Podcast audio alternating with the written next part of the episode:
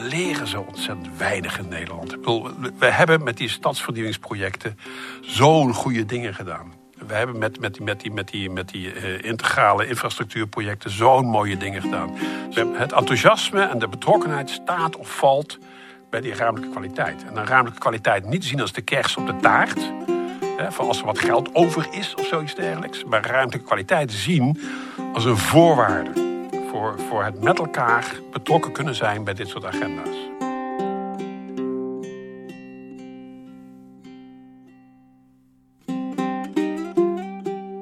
Welkom bij de podcast van Wie is Kennis. We willen veel met het land, heel veel. Ander gebruik en beheer van land is nodig als we al die opgaven richting duurzaamheid, welzijn en energie willen waarmaken.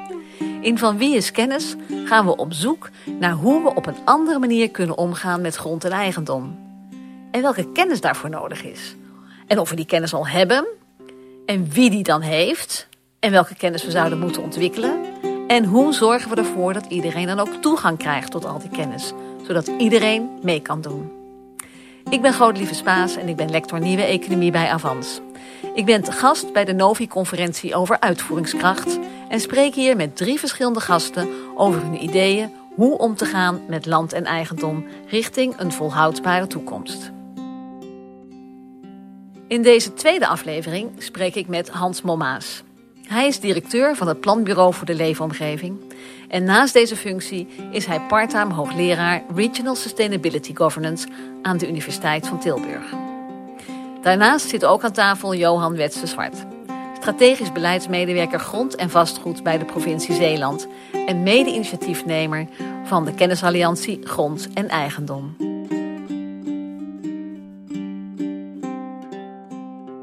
Planbureau voor de leefomgeving. Uh, in twee zinnen, wat doen jullie? Ja, twee zinnen. Oké, uitdaging. Eerste uitdaging van de ochtend. Um, uh, wij zijn er voor uh, strategische beleidsanalyse op het gebied van natuur, milieu en ruimte ten dienste van het nationale beleid. Dus jullie adviseren de overheid, jullie uh, reflecteren op beleid, jullie bedenken hoe het in de toekomst anders kan. Ja, wij, wij, zijn, nou, het woord adviseren gebruiken wij liever niet zo vaak. Wij, wij, zijn veel meer van, zeg maar even, strategische planning. Uh dus uh, we rekenen door, we monitoren, uh, we geven scenario-studies, uh, we doen analyses. Dus het is niet louter advies. We, natuurlijk, als uitvloeisel daarvan geven wij ook adviezen. Maar het primaat ligt hem toch echt in de analyse. En jullie zijn onafhankelijk, hè? Dus, Uiteraard. ja, ja. Het is goed om dat even met elkaar te weten. Nee, want dat is goed inderdaad. Want, want alle, we, zijn dus, we hebben drie planbureaus in Nederland. Hè. We hebben het Centrale Planbureau, het Sociaal-Culturele Planbureau... het Planbureau voor de Leefomgeving. Elk van die planbureaus is organisatorisch ondergebracht bij een ministerie. Wij zijn ondergebracht bij INW. Uh, eh, maar dat laat onverlet dat al die drie die planbureaus werken voor het hele kabinet. En ze werken op grond van de ministeriële regeling die hun onafhankelijkheid garandeert. Oké, nou dat is. Uh, wat ik ook gelezen heb is dat jij zegt er zijn vier clusters van complexe opgaven. Ja. En dat is een stevige kluif. Ik noem ze even: klimaat en energie, voedsel, landbouw en natuur en circulaire economie en stad en regio. Ja. Um, kun je mij een soort beeld geven van hoe groot die opgaven eigenlijk zijn? Want als ik het zo zeg, denk ik, nou ja, klimaat en energie, ja, maar wat. Ja, dat is, dat is, dat is een hele uitdagende vraag. Uh, heel goed altijd. Want uh, enerzijds kun je, kun je zeg maar even de vraagstukken te groot maken en dan werkt het verlammend. Anderzijds eh, kun je dat er licht over doen. En dan, dan schrikken mensen als, als ze echt zich realiseren wat er aan de orde is. Dus ik denk dat het goed is om inderdaad het geheel balans te zien. Maar het zijn stevige opgaves, stevige vraagstukken. Uh, uh, sommige mensen zeggen we staan voor verbouwing van, ne verbouwing van Nederland. Uh, ik, ik, denk dat we daar inderdaad wel in de buurt komen. laten we maar eens even eentje pakken, hè? klimaat en energie. Mhm. als, je, als, je die, als je die probeert te begrijpen, te doorgronden... Dat begint al met klimaat en energie. Daar zit niet alleen zeg maar even de mitigatiekant aan, dus het voorkomen van klimaatverandering. Dat we onze, onze CO2-uitstoot en andere broeikasgassen-uitstoot uh, zo ver mogelijk naar nul willen brengen. En waarschijnlijk zijn wij dan nog niet. En moeten we ook nog zeg maar, broeikasgassen uit lucht gaan halen. Daar zit ook een hele discussie over, over negatieve emissies. Maar dat is de mitigatiekant. En daarnaast hebben we de adaptatiekant. Dus het ons aanpassen aan klimaatverandering die onvermijdelijk al gaat plaatsvinden. En al plaatsvindt. En al plaatsvindt, inderdaad. Nee, absoluut eh, eens. Hè. Bedoel, uh, we, hebben, we hebben in, in Nederland uh, op korte termijn een aantal behoorlijke ervaringen opgedaan. We hebben een windhoos gehad bij de buurt van Wolfhezen, die, die, die, die het halve dorp weggevaagd heeft. We hebben natuurlijk een hitte gehad hè, in de zomer, een aantal dagen 40 plus. nou, mensen hebben toen ervaren hoe heet je huis van binnen kunt worden en hoe ziek je daarvan kunt worden. Er zijn ook sterfgevallen door, door opgetreden. We hebben natuurlijk de hoosbui gehad boven de Ardennen. Die, die in Valkenburg uh, uh, de Roer en de Maas en de Geul en de Gulp heeft doen overlopen met enorme drastische gevolgen en zo. Dat, is wel eens gekeken naar als, als die clusterbui nou eens boven de Randstad was gevallen. Weet je, waren we dan de staat geweest om dat allemaal bij tijd allemaal weg te pompen. Het is maar om te zeggen, bedoel, aan, aan, zowel aan die mitigatiekant, we, we moeten onze hele industrie decarboniseren. En, en, en we hebben een olie-based economy in Nederland. Hè? Met, met, de haven van Rotterdam, de raffinage, de, de, de, chemische industrie. We zijn een van de grootste chemische clusters eh, in, in, in Europa, gebaseerd op carbon. Dus het is zowel aan die mitigatiekant als aan de adaptatiekant zijn grote vraagstukken aan de orde. En dan hebben we het nogmaals over één van die vier clusters. En ze hangen ook nog met elkaar samen. En ze hangen ook nog eens een keer met elkaar samen. Een, een van de uh, aardige thema's die ik daar aardige, afhankelijk van of je van uitdagingen houdt, die ik daarbij graag benoem, is die stad en regio. Ja. Uh, uh, uh, stadsregionale ontwikkeling, zeggen wij vaak binnenshuis. Dat gaat natuurlijk voor een deel over de klassieke verstedelijkingsvraagstukken, stad-landverhouding, in relatie tot wonen, werken, recreatie. Zoveel woningen erbij, hè? 1 miljoen, 900.000, afhankelijk van welke scenario's je kiest. Grote onzekerheid over. Waar gaan we die woningen neerzetten? Dat is niet alleen een kwantitatieve vraag, dat is ook een kwalitatieve vraag. Dus welke verstedelijking willen wij nu nastreven? Maar dat is een klassieke verstedelijkingsvraag. Daarbovenop komt bij die steden nog eens een keer de verduurzamingsvraag. Die steden moeten hittebestendig worden, klimaatbestendig worden. Wijken moeten van het gas af, enzovoort, enzovoort, enzovoort. Dus... Ja, dan hebben we ook nog de verzakking van de Randstad. Hè? Dus uh, waar gaan we dan bouwen? Iedereen wil toch in die Randstad. Ja, ja. we beginnen langzamerhand met de discussie. Moeten we alles in de Randstad willen? Moeten we niet toch langzamerhand uh, het idee van die Randstad... dat Randstadnetwerk vergroten? Zodat we ook zeg maar, schuifruimte hebben richting Zwolle, uh, Arnhem, Nijmegen, Eindhoven. Dus, dus dat, het is maar om te zeggen, er liggen stevige vraagstukken op bord. Oké, dan ga ik, want je zei net al, misschien moeten we toch denken aan met deze vraagstukken aan de verbouwing van Nederland. Um, om het maar klein te maken, ik heb mijn huis een paar jaar geleden verbouwd. Dat had een enorme impact op mijn leven. En dat duurde maar een half jaar. En dat had ik helemaal zelf in, nou ja, zelf, met de aannemers enzovoort. Maar had ik redelijk zelf onder controle. Ja. En dat is levensveranderend. Dus ik kan me zo voorstellen dat het verbouwen van Nederland dat ook is. Ja, dat is het. En, en, en uh, uh, dus denk ik. Kijk, we, hebben nu net een, een, coalitieakkoord achter de rug. Rutte 4 heeft een coalitieakkoord gemaakt uh, waarin de ambities opgehoogd zijn. Hè? Er lag een klimaatakkoord van het vorige kabinet, wat streefde naar 49% reductie in 2030. Uh, uh, dat was al wat hoger dan Europa toen had, hè? dus het was, klonk al heel ambitieus. Uh, uh, nu ligt er een ambitie om richting 2030 beyond 55% te gaan, richting 60%. Uh, en, en, en we weten dus dat we er, wat is het, even kijken, 1990, 2020. Dus we hebben er 30 jaar over gedaan om 25% te reduceren. Hè? Want dat is het agendadoel, hè? was 25% ja. reductie. Dat, dat, hebben we dankzij corona gehaald. het jaar daarna niet meer. Hè? Dus we hebben daar 30 jaar over gedaan om 25% te reduceren. Nou, we moeten er acht jaar, we hebben acht jaar de tijd om 30% te reduceren. Ja. Dus dat is een enorme opgave. En, en dat betekent, die kun je alleen maar aanpakken als je dat collectief gaat maken. Dus dat moet een maatschappelijk vraagstuk worden. Dat kan niet alleen maar een vraagstuk worden van Den Haag. Dat zal een vraagstuk moeten zijn waar iedereen gewoon bij betrokken raakt. Het raakt aan de industrie, het raakt aan de energievoorziening, het raakt aan mobiliteit, het raakt aan de landbouw en natuur, het raakt aan ons eten, aan de kleding, noem het maar op. En iedereen moet betrokken zijn. Dat is ook Ja. wat die nieuwe omgevingswet hè, eigenlijk ook al voorbereidt. Om, om de ruimte die wij met elkaar delen, of de ruimte waar wij wonen, om die ook gezamenlijk vorm Ja. te geven en een visie te ontwikkelen hoe Ja. dat eruit moet zien. En ook gezamenlijk daar uitvoering aan te geven. Ehm, ik, ik zie dat voor me. Ik heb dat ook bij eh, provincie mogen meemaken. Ik ben er ook nog een beetje betrokken geweest, helemaal in de begintijd bij het ontwikkelen van de nationale omgevingsvisie. Ik vond het nog niet zo makkelijk. Al die partijen aan tafel, al die verschillende meningen aan tafel. Eh, en niet omdat mensen niet van goede wil zijn, want de meeste mensen willen echt wel meedoen. Maar het vraagt best ehm, een ingrijpende verandering van jezelf. Ja. En van je eigen bedrijf, of van je eigen manier van wonen, Ja. Of je manier van voedsel verbouwen. Om dit voor elkaar te krijgen. Ja. Hoe gaan we elkaar nou helpen om, om die fundamentele verandering in hoe wij de dingen doen voor elkaar te krijgen? Eh, Ja, een goede vraag. En, en eh, die vraag is niet 1, 2, 3. Ik bedoel, dat- er zijn allerlei schablonen die je eroverheen kunt leggen. Hè? Participatie en, en, en eh, integraliteit en interbestuurlijk. En voor je het weet heb je- het hele jargon over de tafel gespreid.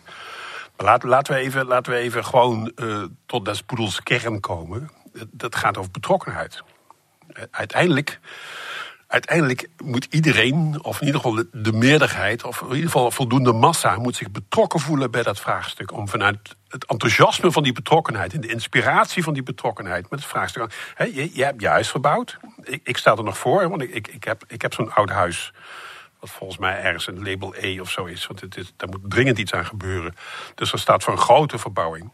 Dus ik ben de moed bij elkaar aan het rapen om daarmee te beginnen. Want ik moet een architect vragen hoe dat moet enzovoort. Ik kan dat niet alleen. Dus ik heb er alle instrumenten voor nodig. Maar dat begint gewoon hè, met: ik wil dit. Niet omdat het moet, omdat er zo, zo, zo, zo nodige wetgeving is. Maar omdat we met z'n allen overtuigd, ervan, ervan overtuigd zijn dat we gewoon die, die slag moeten slaan. Dus we moeten naar die betere leefomgeving toe. We moeten naar die toekomstbestendige leefomgeving Maar we toe. moeten dus iets vinden wat ons intrinsiek drijft. En tegelijkertijd, en dan ga ik toch een beetje. ehm, soms heb ik ook het gevoel, komt nu ligt er een voorstel om vanaf 2026, geloof ik, als mijn ketel stuk is, moet ik verplicht een hybride warmtepomp. Hè, dus ik mag niet nog een keer een nieuwe ketel kopen. Afhankelijk van het type huis dat je hebt. Ja, oké, maar goed. is- even, maar het, nee, maar het, waar het me over gaat is dat ik me bij sommige dingen ook eh, eh, gedwongen voel om het te doen. Ja. Ehm, wat misschien helemaal niet slecht is, hè? want het is, Nee, nee, nee, heeft zeker ook een goede kant om dat soort Ja. dingen te doen. Ja. En aan de andere kant, ik het waarschijnlijk beter en leuker en liever doe, als ik het vanuit mijn eigen motivatie doe. Dus, dus hoe krijgen we nou die en, nou, en dan in een wereld, ik ga het nog een stapje ingewikkeld maken, waarin het vertrouwen in de overheid niet zo heel groot is. Terwijl die overheid wel de grote aanjager is van die vraagstukken en Ja. van het agenderen van die vraagstukken. Zij zeggen, Ja. het is een probleem. Nou ja, zij, zij, pas op, Zij hè, voor, waar, voor, de vat, voor alles in de schoenen van de overheid eh, stoppen, dat is niet waar. Want we hebben natuurlijk gewoon een, een akkoord van Parijs gehad. Zeker. En daar zaten niet alleen maar nationale staten aan tafel. Het succes van Parijs, zeker ten opzichte van het falen in Kopenhagen. Want dat, daarvoor hadden we natuurlijk een andere poging. In Kopenhagen zaten alleen maar nationale overheden aan tafel. En toen gebeurde er niks. En, en in richting Parijs zijn er zijn allerlei andere NGO's zijn aan tafel gekomen. Burgerbewegingen, steden zijn aan tafel gekomen. Regionale overheden zijn aan tafel geweest. Bedrijfsleven is aan tafel geweest. Dus er werd een collectieve agenda gemaakt. En toen werkte het. En dat, en dat moet een signaal zijn. Dus, dus het, het, het moet niet alleen een agenda zijn van de overheid. Het moet een collectieve agenda zijn. Waarbij ook bedrijfsleven meeloopt, eh, NGO's meelopen, eh, lagere overheden, decentrale overheden meelopen. Dus je, bereikt er pas iets mee als het echt een collectieve agenda wordt. En dat is volgens mij ook waar bijvoorbeeld zoiets als normering kan Ja. gaan werken. Hè? Want je had het over die, over die hybride warmtepompen. Ik denk dat, dat zo'n normering van die hybride warmtepompen niet alleen een signaal is aan, aan burgers. Ik denk dat het ook een signaal is aan de hele keten. Eh, van installateurs en ontwerpers en noem maar op. Zodat, zodat die burger die uiteindelijk aan het eind van de keten van de beslissing staat om zo'n hybride warmtepomp te kopen, ja of nee, ontzorgd wordt hè, door die keten in die beslissing. En, en daar valt nog ontzettend veel te doen. En alweer, hè, dat is onderdeel van het maken van een collectieve agenda. Oké. Eh, die collectieve agenda, die moet dan ook collectief uitgevoerd. Ja. En die verantwoordelijkheid wordt ook zo gedefinieerd en gedeeld. Dus iedereen die daar getekend heeft, kan ik er ook op aanspreken? Dat moet je niet aan mij vragen, want ik ben niet van het beleid. Maar... Nee, maar het is meer ook een soort van... Hè, bedoel, al die mensen die in Parijs waren, ja. die meegedacht hebben... Ja. en dat akkoord gesloten hebben. Daar zaten dus ook de lobby van, van uh, de grote oliemaatschappijen. Daar, hè, die hebben allemaal gezegd, dit moet... Ja. En dat is meer dan een intentieverklaring. Ja, en die zijn, die zijn daar inderdaad, wat mij betreft, dan op aanspreekbaar. Uh, dat, Ja. moet dan ook gebeuren. Dus, dus, dus, dus het is goed dat er discussies plaatsvinden met Shell en allerlei andere partijen over: jongens, wat zijn jullie nou aan het doen? Eh, eh, nou ja, dat, dat, dat loopt uit tot, de- tot de rechtbank, ik maar rechtszaken en zo. Oké, eh, dat, is, dat is de dynamiek waarin we zitten. Eh, maar, maar wat volgens mij van belang is, is dat we met elkaar eh, eh, die, die, die doelen die daar gesteld worden, ook serieus gaan nemen en zeggen: oké, wat, wat, wat voor plannen gaan we nu ontwikkelen met z'n allen in die ketens, Ja. in die productieketens, in, in bestuursketens en noem het maar op, om dit met elkaar te realiseren. Oké, dan gaan we naar de praktijk. Want ik, ik zie dat voor me en ik, ik voel ook die vibe wel. Hè? Ik bedoel, ik, in mijn werk kom ik natuurlijk ook veel bedrijven tegen... Ja. die ook echt wel die motivatie voelen om die stappen te zetten. Hè? Of dat nu minder materiaalgebruik is of eh, inderdaad die hele energietransitie. Ehm, wat ik, ik zie een paar dingen. Ik zie dat ze aan de ene kant vastlopen in eh, het huidige, bijvoorbeeld het huidige economische Ja. systeem, hè, wat, wat incentives heeft Ja. die niet echt helpen om daar naartoe te bewegen. Ja. Eh, en ik zie ook dat je ruimte nodig hebt, letterlijk. Dus je, je fysieke omgeving anders moet inrichten om dat mogelijk te maken. Ja. Dus ik bedoel, ik, en een voorbeeld daarvan is, ik zit in de trein eh, tussen Rotterdam en Amsterdam. Dan kom ik langs Hoofddorp. En links van mij zie ik een heel groot veld met zonnepanelen. Rechts van mij zie ik allemaal eh, bedrijfsgebouwen met platte daken zonder zonnepanelen. Ja. Dan denk ik, hier heeft iemand iets niet gesnapt. Ja. Heel naïef waarschijnlijk, maar dat is wat ik dan denk. Nou ja, ik weet, ik weet niet of er iemand is geweest, maar Nee, hier zijn in ieder geval verschillende initiatieven niet bij elkaar gebracht. En, en, dat, en dat is dus, eh, denk ik, eh, heeft voor een deel te maken met de fase waarin we zitten. Hè. We, we kunnen ook kijken naar of, of het beleid wel, wel proactief genoeg is en zo. Maar het heeft ook van het belangrijk deel te maken met de fase waarin we zitten. Want veel van die agenda's zijn we gewoon nieuw aan het ontdekken. Neem ook maar even stikstof. Laten we even een ander dossier opentrekken. Wat ook te maken heeft met grondbeleid eh, en ook te maken heeft met bestemmingen en dat soort zaken meer. We zijn in Nederland veel te lang langs de randjes van de beleidskaders gelopen. En, en, en, dat, dat wreekt zich Wat nu. bedoel je daar precies Nou, mee? we, we, we wisten in 2014 al dat die pas gewoon een aantal blinde vlekken had. We wisten dat, dat we een, een, een voorzet aan het nemen waren op de toekomst. We wisten dat dat juridisch inderdaad eh, eh, gevaarlijk was. We hadden toen ook een andere beslissing kunnen nemen. We hadden toen al kunnen beslissen over... jongens, laten we dit nou goed aanpakken. Echt natuurbeleid gaan voeren. Zodat we echt tegemoet komen aan die vogel- en habitatrichtlijn. Nee, we, we, zijn, we zijn een tijdje aan het proberen om, om in Europa... Die, die grenzen wat te, te verschuiven van die vogel- en habitatrichtlijn. We we zijn, een, stikstofbank gaan inrichten... waarbij, we een voorschot nemen op het toekomstig gedrag en zo. Dus dat is echt gewoon de, de randjes opzoeken van wat er kan. En, en wat ik, waar ik blij mee ben, want ik bedoel, het is niet alleen dat, dat, dat ik dat als directeur van het PBL constateer, maar ik ben blij met de coalitieakkoord, eh, Rutte 4, waar je nu staat, dat doen we niet meer. Dat wordt gezegd. Met, met, met, die, met die 60 miljard die gereserveerd is voor, met de doelstellingen die er liggen voor, voor klimaat, eh, eh, en ook de doelstellingen die liggen voor stikstof. Nou, d- dat leidt tot de verbouwing. Hè? Ja. Eh, misschien zijn we wat traag op gang gekomen. Wat- heet, we kunnen gewoon constateren met elkaar dat we te traag op gang zijn gekomen. Maar ja, nu staan we dus echt gewoon voor de verbouwing. En, en ik denk dus dat dat alleen maar kan als we die agenda collectief maken. En daar ervoor gaan zorgen langs allerlei ketens, met allerlei organisaties. Dat we gewoon met provincies, eh, met gemeentes, maar ook met, met allerlei partijen die in het landelijk gebied actief zijn. Met zo'n nationaal programma landelijk gebied wat er komt. Maar ook met de, met, met de woningbouwopgave en hoe we die gaan. Gaat die nou in- binnenstedelijk komen of buitenstedelijk? De, de, grootste vrees die ik nou heb. Als ik, eh, Ja. de grootste vrees die ik heb is, is dat, dat er zometeen sprake gaat zijn van verkeerde daadkracht. Dat, dat is. En, en noem daar eens een voorbeeld van. Nou ja, als, als, als, we, als we zeggen, weet je, en we zullen die 900.000 woningen hebben. Hè? Ja. In een port waar die gebouwd worden. en dat we dan zeg maar kwaliteit gaan leveren straks die als slecht ervaren gaat worden. Dus we moeten wel, we moeten wel en daarvoor is Novi ontzettend belangrijk. We, we moeten niet alleen de samenhang zoeken tussen de vraagstukken vanuit een functioneel perspectief. We moeten ook die samenhang een plek geven in goede ruimtelijke kwaliteit. We moeten er dadelijk trots op kunnen terugkijken. Zoals we nu trots terugkijken op onderdelen van ruimte voor de rivier. Zeker. Stadsvernieuwingsprojecten, hè, bijvoorbeeld uh, uh, Kop van Zuid, Rotterdam, ceramiekterrein in Maastricht, uh, de stationszone in Rotterdam, Paleiskwartier in Den Bosch. We hebben prachtige plekken in Nederland die goed verbouwd zijn. Ik hoop dat we dadelijk terug kunnen kijken naar deze exercitie. Kunnen zeggen, ja, dat heeft goede ruimtelijke kwaliteit op. Maar, ja, maar misschien wel aanvullend uh, ook hierop. Van uh, welk instrumentarium dat we daaronder ja. leggen. Ja. Um, uh, kijk het naar de woningbouw. Hè. is, is, is een vraag hè, van mij. Van, ver, verkavelen het, ver, verbouwen het. is het weer van iemand? Terwijl over 30 jaar misschien weer een ingreep moeten doen. Is het verstandig om misschien nu meer in erfpachtconstructies te denken? Nou, dat zijn vragen ehm, die ik nog weinig hoor, moet ik eerlijk zeggen. Uh, waar wij wel op zoek naar zijn. Van, moeten we nog uh, dusdanig instrumentarium erbij leggen of bij verzinnen om dit uh, te bewerkstelligen? Ja. En kijkend naar de toekomst, van als je nog een keer een ingreep moet doen, ehm, ja, welk instrumentarium kan je Nee, maar ik, ik terecht, hè, want, want even terug naar, naar, naar, jouw vraag toen net ook over, over instrumentarium.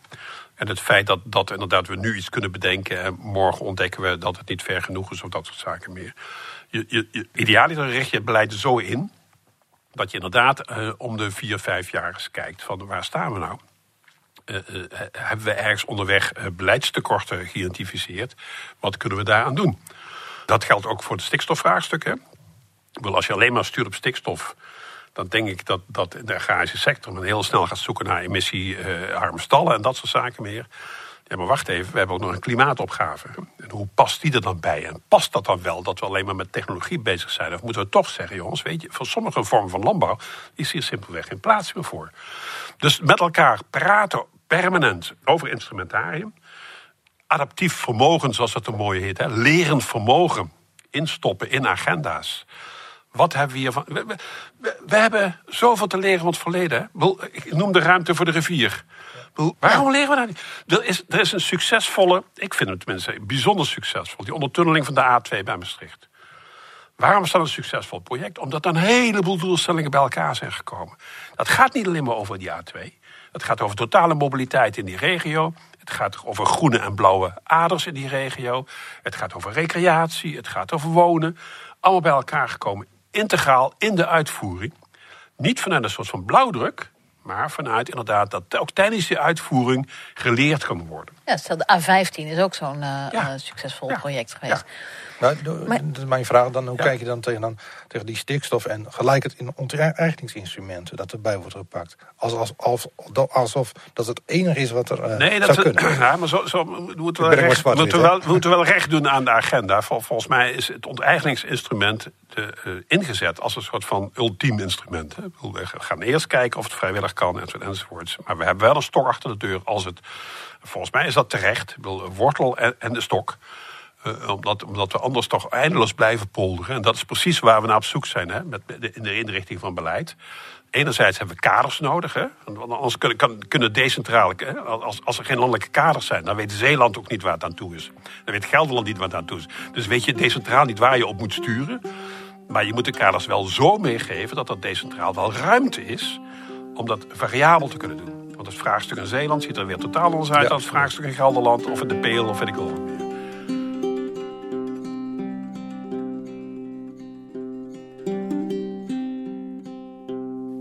hoor je twee dingen zeggen. Aan de ene kant hebben we heel veel daadkracht nodig, omdat we nu echt aan die verbouwing moeten beginnen. Hè? Ik bedoel, eh, de vergelijking met je eigen huis. Je bent dan denken, nou hoe ga ik het doen? En uh, denk eens na over een architect. Misschien moet het een tandje sneller. Uh, en te, tegelijkertijd moet die daadkracht niet op de ouderwetse manier dat jij het in je eentje gaat zitten doen. Dat geldt, om het maar even als voorbeeld te houden, voor jou en mijn huis. Ik heb het in mijn eentje verbouwd. Ja. Ik had dat hele blok is van 1876 of, of zoiets. Waarom hebben we dat niet samen gedaan? Hoeveel materiaal had dat gescheeld? Hadden we daar meteen de omliggende groenvoorziening bij kunnen doen? Hadden we daar meteen kunnen nadenken over riolering, wat in Rotterdam ook een enorm probleem is. Dat hebben we dus niet gedaan. Dus ik heb gewoon vanuit mijn eigen perspectief in mijn eentje zitten doen, goedwillend. Vanuit, hè, bedoel, mijn intenties om het groener en beter en bla bla te doen. Het helpt dus niet als we het allemaal zelf doen. En dat geldt niet alleen voor burgers, dat geldt voor overheden, dat geldt voor bedrijven. Ja. En dat is mijn voorbeeld van uh, uh, uh, Hoofddorp. Hè, wat daar ook maar gebeurd is, want dat weet ik eigenlijk niet. Ik zie het alleen maar uit de trein. Maar het is hoogst eigenaardig dat dus één iemand optimaliseert binnen zijn eigen bedrijf en niet in het gebied. Ja. Dus we zoeken naar optimalisatie in het gebied. Ja dan hè, op het moment dat je gaat oneigenen, ben je eigenlijk al niet eens met optimalisatie bezig. Want dat is al een suboptimaal instrument, zou ik bijna zeggen. In sommige gevallen niet, hè. Maar... Niet, niet iedereen, niet iedereen is goedwillend hoor. Dus, nee, dat, dat zal zijn. Bedoel, Dat blijft. Ja. Bedoel, hè, eh, zijn we gewetensvol genoeg om dit te doen? Of zijn we zo gewetenloos dat we toch ons eigen belang blijven dienen? Dus, uh, wat voor instrumentarium helpt ons nou en dit hoort volgens mij ook bij de nieuwe omgevingswet. Hè? Ik bedoel, uh, hoort daar niet een nieuw instrumentarium bij? Wat ook daadwerkelijk elke opgave. Um, nou, verplicht is niet het goede woord, denk ik. Maar een aanpak heeft waarbij je dat verbindt met andere gebieden of andere uh, activiteiten en andere stukken grond. Hè? In dat gebied. Dus dat je het per definitie integraal aanpakt. Ja, en, en, dat, en dat is denk ik ook wel een beetje de fase waarin we ons nu bevinden. Hè? En dat, dat is ook denk ik waarom de Kamerbrief die het ministerie gisteren naar de Kamer heeft gestuurd over de ruimtelijke ordening. Toch nog steeds vooral een procesbrief is, als je het goed leest. Hè. Het gaat echt over hoe gaan we het aanpakken ik kan dat goed begrijpen, omdat juist op de verschillende belendende dossiers beleid nog heel sterk in ontwikkeling is. Je kunt, je kunt pas goed ruimtelijk beleid met elkaar gaan organiseren als je weet uh, uh, hoe de doelen vanuit stikstof uh, en het landelijk gebied of vanuit de energietransitie, hoe die, hoe die in gaan grijpen. Dan kun je met elkaar op de een of andere manier ook een agenda maken. Daarbij zal het van belang zijn nogmaals, ik zeg het nog een keer, hè, dat, dat enerzijds dus die nationale kaders duidelijk worden gemaakt, maar dat anderzijds. Kijk, we, we, moeten denk ik niet terug naar de ruimtelijke ordening van, wat zullen we zeggen, de, de, de, de, de, de jaren 80, begin jaren 80, zoiets dergelijks. Uh, uh, want, want dan gaan we voorbij aan het organiserend vermogen wat er decentraal is. Mm En daar, daar, daar, zijn we al een aantal keren hebben we daar onze neus mee gestoten. Hè? Als we voorbij gaan aan, aan het organiserend vermogen het gevoel dat mensen decentraal hebben met, met hun uh, landelijke omgeving. Of met hun stedelijke omgeving. Daar moet je gebruik van maken van die kennis. Dus we moeten het gaan doen in samenspraak met de decentrale overheden en decentrale bedrijven en organisaties. En dat betekent wel dat, dat men decentraal zich ook eigenaar moet weten en voelen van die mhm. agenda. Dus de kaders zullen zo, denk ik, naar, naar het decentrale niveau gecommuniceerd moeten worden. Dat men daar zegt, ja oké, dit, dit is de samenhang der dingen. Dit gaan we oppakken en met elkaar vergelijken. En dan moet het weer terug. Want, want het kan best zo zijn. Hè, we, hebben nu, we hebben nu met die resten, het regionale energiestrategieën. Mm is er een doelstelling over Nederland uitgesmeerd van 35 terawatt. Nou, je moet, je, moet, je moet ergens beginnen. Dus die 35 terawatt is vastgesteld. Ongetwijfeld gaat die 35 terawatt weer uh, onderwerp van discussie worden. Want, want de doelen zijn aangescherpt nu. Hè. We gaan van 49% naar 50, 6% enzovoort. Maar dat, kun je tegelijkertijd krijgen. De manier waarop we die 35 terawatt verdeeld hebben over regio's. Klopt dat nog steeds? Of zouden we moeten zeggen: nee, die regio kan veel meer leveren dan die regio. Wind kan precies daar en misschien niet hier. Snap je op die manier? Ik snap wat je zegt. Maar ik ga toch even. Um, um, want aan de ene kant praten we over, uh, en dat is natuurlijk niet zo gek, want ik zit met het planbureau aan tafel, ja. over uh, uh, goede kaders, goede doorrekening, weten wat de effecten zijn ja. voordat je begint, hè, bezint even ja. begint, want alles hangt met alles samen. Maar juist omdat alles met alles samenhangt, hebben we ook baat bij het experiment, omdat we daar pas zien wat zich daadwerkelijk ontvouwt. Want die maakbaarheid. Dit, ik vind dat altijd interessant, hè, dat we in Nederland in twee paradigma's leven. Aan de ene kant het binnendijksparadigma van de maakbaarheid en het polderen. En het buitendijksparadigma van het zoute leven. Uh, noemen de, de Wadden uh, Visserstad. Ja. Waarin het veel meer experimenterend is. Uh, meebewegen met die context. Je afhankelijk weten. En dus je niet de koning over het land zijn, zeg maar. Nee, en, en, en, en we weten dus, na, wat zal het zijn, 150, uh, Auken van der Woud, hè, bedoel, uh, uh, het landschap de mensen. Hè? Als, ja. je, als, je, als, je, als je een, een boek wil hebben over uh, hoe, Nederland, hoe het Nederland is vergaan de afgelopen 150 jaar. En hoe wij binnendijks dan dat, dat landschap als het ware zijn gaan benutten. Ja. To the max. Hè? To the max. Woeste gronden. Het, alleen de term al, hè, woeste gronden. Die waren natuurlijk gewoon om te ontginnen, heel simpel.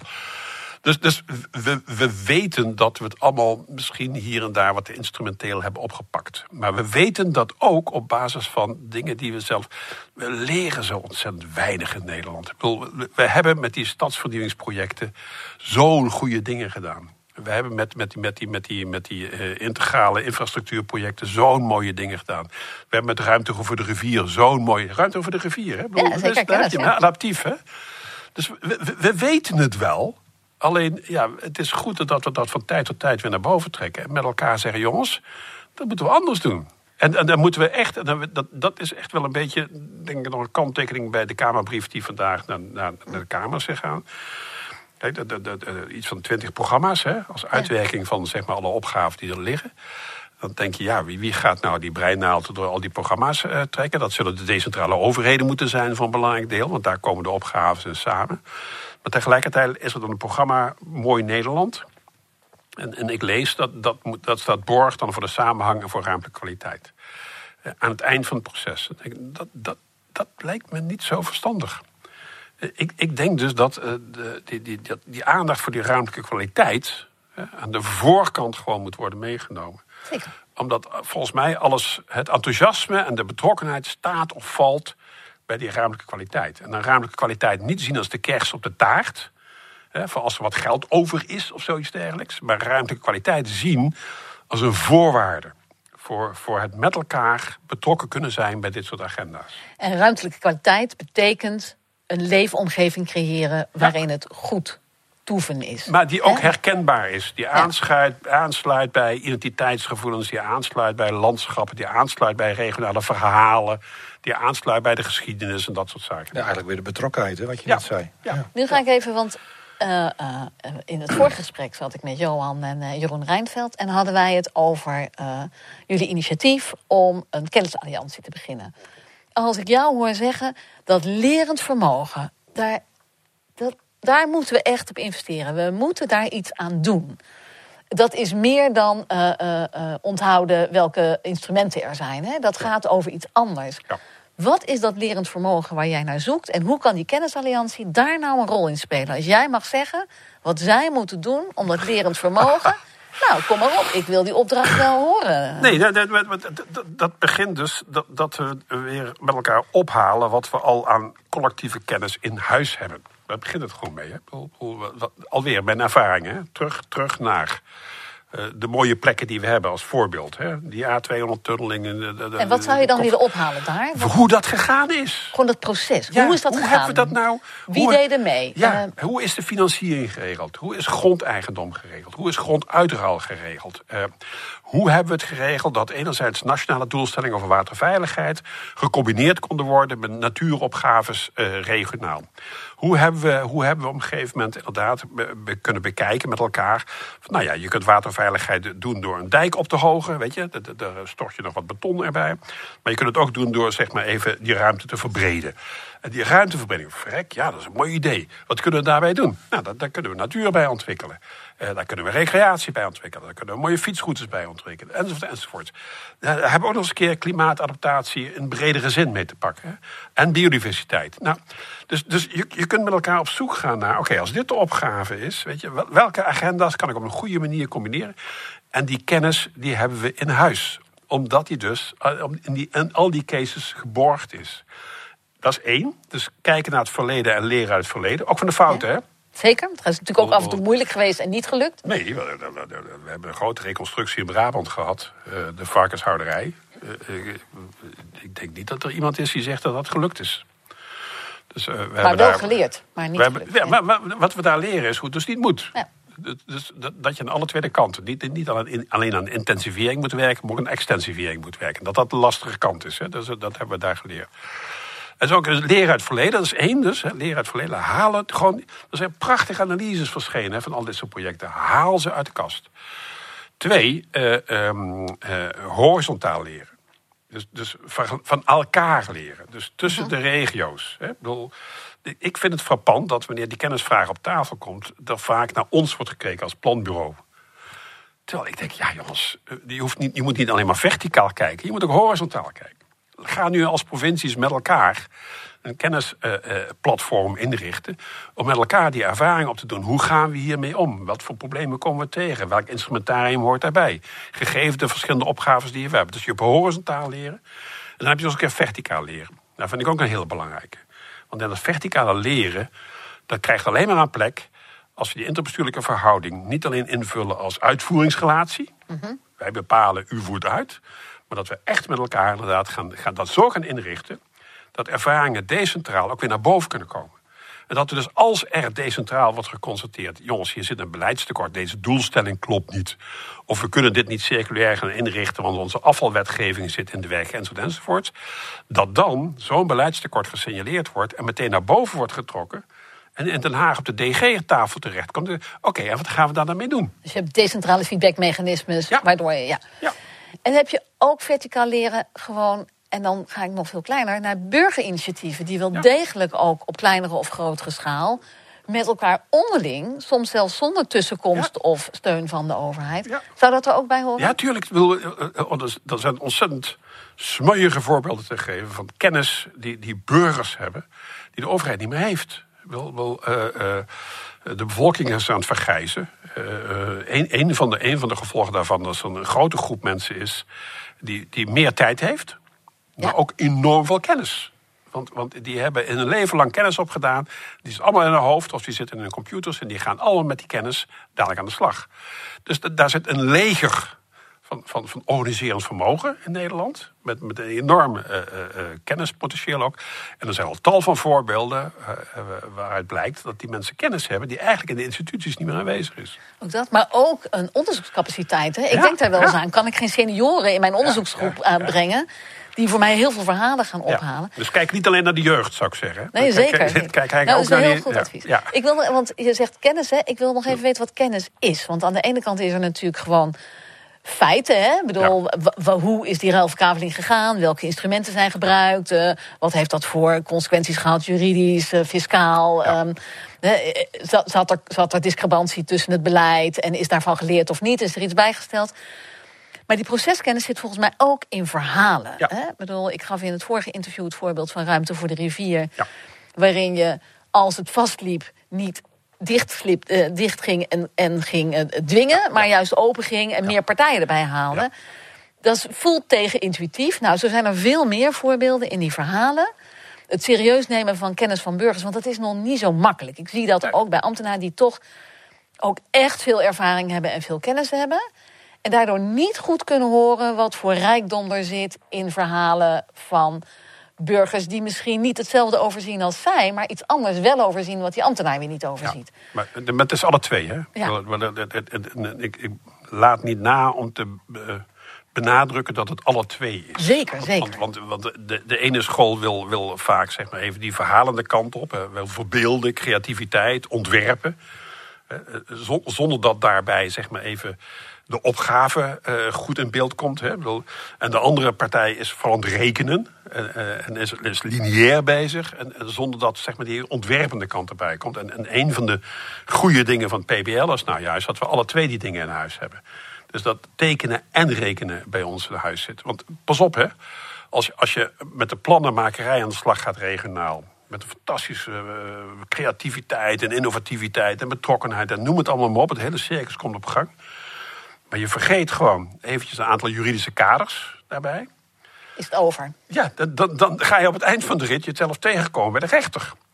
Dus, dus het is ook zaak dat je aan het begin van dat proces goed gewezen wordt op, op nou ja, wat, wat er aan milieueffectrapportages enzovoort zo nodig is. Zodat je dat mee kunt nemen in dat, die verhalende en creatieve energie. Okay, maar die integraliteit die we in het gebied hebben, diezelfde integraliteit moet je dus hebben in je instrumentarium en in je aanpak. En, en in je kennis en je kennis. En dat gaat Want we hebben het nu hè, aan de ene kant over tekenen en rekenen. Ik, uh, ik, sprak laatst met Hans Huibers, dat is de voormalig voorzitter van ZLTO uh, in Brabant, dus de landbouw tuinbouworganisatie. En hij zegt, wat die overheid steeds maar fout doet, en hij kan daar stevig in zijn als je hem kent, is dat ze mij iets uitleggen zonder rekening te houden met mijn ziel. Zonder met mij in gesprek te gaan vanuit mijn liefde voor het land, vanuit mijn zorg voor het land, vanuit wat mij beroert. Ja. En ik denk dat is nog, dat is nog een dimensie uh, die naast tekenen, rekenen, uh, leven hè, of zijn, uh, hoe je het maar noemen wilt, mee zou kunnen nemen ja. in wat zo'n kennisalliantie voor elkaar kan krijgen ja. of aan zou kunnen werken. Ja. Er wordt ontzettend veel verzameld, er ligt overal wat. Maar toch gaat iedereen lekker zelf het wiel uitvinden. Ja, dat, ja goed. Dat, Hoe gaat die kennisalliantie nou zorgen dat ze niet alleen maar verzamelen... en dat in een grote doos stoppen waar nooit meer iemand iets uithaalt? Ja, ja. Door, door, door, door, door toch werkende weg, denk ik, dat te gaan doen. Uh, uh, zometeen, uh, linksom of rechtsom, zal op provinciaal of regionaal niveau... Hè, ook nog zo'n vraagstuk, hè, wat, wat is de gebiedsafbakening? Dat, dat, dat moet ook onderdeel wordt, volgens mij worden van het proces. Want dat moeten we niet, denk ik, met een blueprint of zoiets dergelijks proberen te regelen. Maar je, je zult uh, decentraal aan de slag moeten met die agenda. Dat is het moment waarop je denkt met elkaar inderdaad verhalen en, en, en kennis bij elkaar moet spokkelen. En er is veel kennis. Hè? Wij, de, de, de, verschillende dossiers. Oké, wij, wij, wij, wij als PBL uh, zijn ook wel geneigd om, als we dan een nieuw dossier oppakken, om eens te kijken van welke kennis is er nu over aanwezig. Een soort van een hengelen van, van nou ja, wat, wat is er. Hè? Eh, eh, en dat hebben we ook bij de energietransitie gedaan. Welke kennis is er over pijpleidingen, welke kennis is er over kabels enzo, enzovoort. Om die kennis vervolgens dan inderdaad decentraal in het proces in te zetten. Dus, dus die, die, kennis moet niet in boeken landen, maar die, die kennis moet in het debat landen. En, en het gesprek moet dat landen. Dat, dat, dat zal een gesprek moeten zijn dat enerzijds resultaatgericht is. Want, want, het moet natuurlijk niet het gesprek om het gesprek zijn. Er liggen een aantal opgaves. Die opgaves en uw vraagstukken moeten helder zijn. Maar tegelijkertijd, en dat is onderdeel van, van het collectief maken van, van die aanpak... zal het gesprek wel breed met elkaar moeten worden gevoerd. Oké, dus dat betekent in feite dat die kennis aan de ene kant opgehaald wordt, maar ook ontwikkeld wordt terwijl je aan het werk bent en aan het doen bent. En die kennisalliantie daar dus ook daadwerkelijk met de voeten in de klei in meestapt. Ja, en, en, en ik denk dat, dat we. Uh, kijk, de, de, de, kennislijn hè, is, is, is een lijn waarvan ik vind dat die in de verschillende programma's best wel onderbelicht blijft. Uh, we hebben in de decentralisaties in het sociale domein meegemaakt wat de consequenties zijn als je niet aan de voorkant goed nadenkt over hoe je dan ook de kennis die daarvoor nodig is om te kunnen managen, ook op de een of andere manier decentraal verrijkt. En alweer, dat, dat, ook daarbij geldt. Dat kun je voor een deel doen vanuit centrale. Gij zult kennis ontwikkelen. Maar ik vrees alleen dat dan het probleemeigenaarschap niet goed decentraal landt. Dus ik zou ook wel een oproep doen aan decentrale overheden. Dames en heren, investeer in uw kennisinfrastructuur.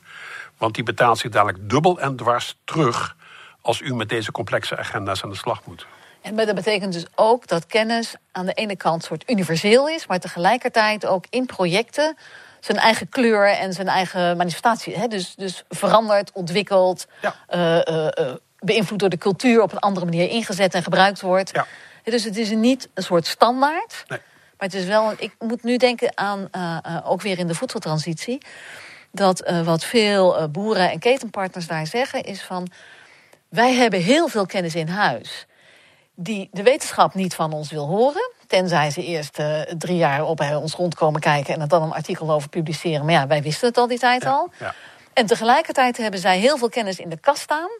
die ik er niet uit kan trekken in de praktijk... en ook de tijd niet voor heb, die zij er voor mij ook niet uittrekken. Dus, dus dat in dat moment... Hè, eren wat daar is. En dat ook eh, of, of tastbaar maken en duiden zodat het bruikbaar is en erkend is. En tegelijkertijd die boekenkast opentrekken. Als dat dan een boekenkast is, hè, want misschien is dat wel heel iets anders.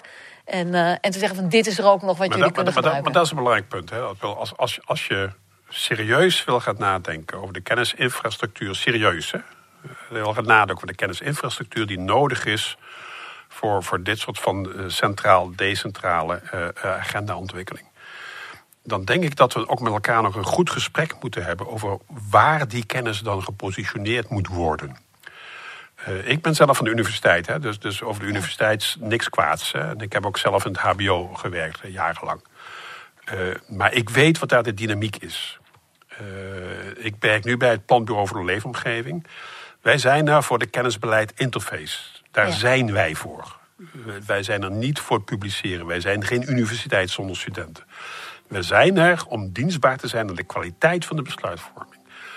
Als je zo kennis organiseert, dan kan het wel eens zijn dat je tot een andere kennisorganisatie komt dan HBO's en universiteiten in huis hebben. En nogmaals, hè, ik, ik, zou dus alle die decentrale overheden uitdagen om serieus na te denken over de kennisinfrastructuur die nodig zal zijn om deze complexe agenda's vorm te geven. En ik denk dat we daarvoor nodig hebben dat een deel van de kennisinfrastructuur opnieuw hersteld wordt, die we, die we een aantal jaren geleden met elkaar decentraal hebben afgebroken. Famous last word.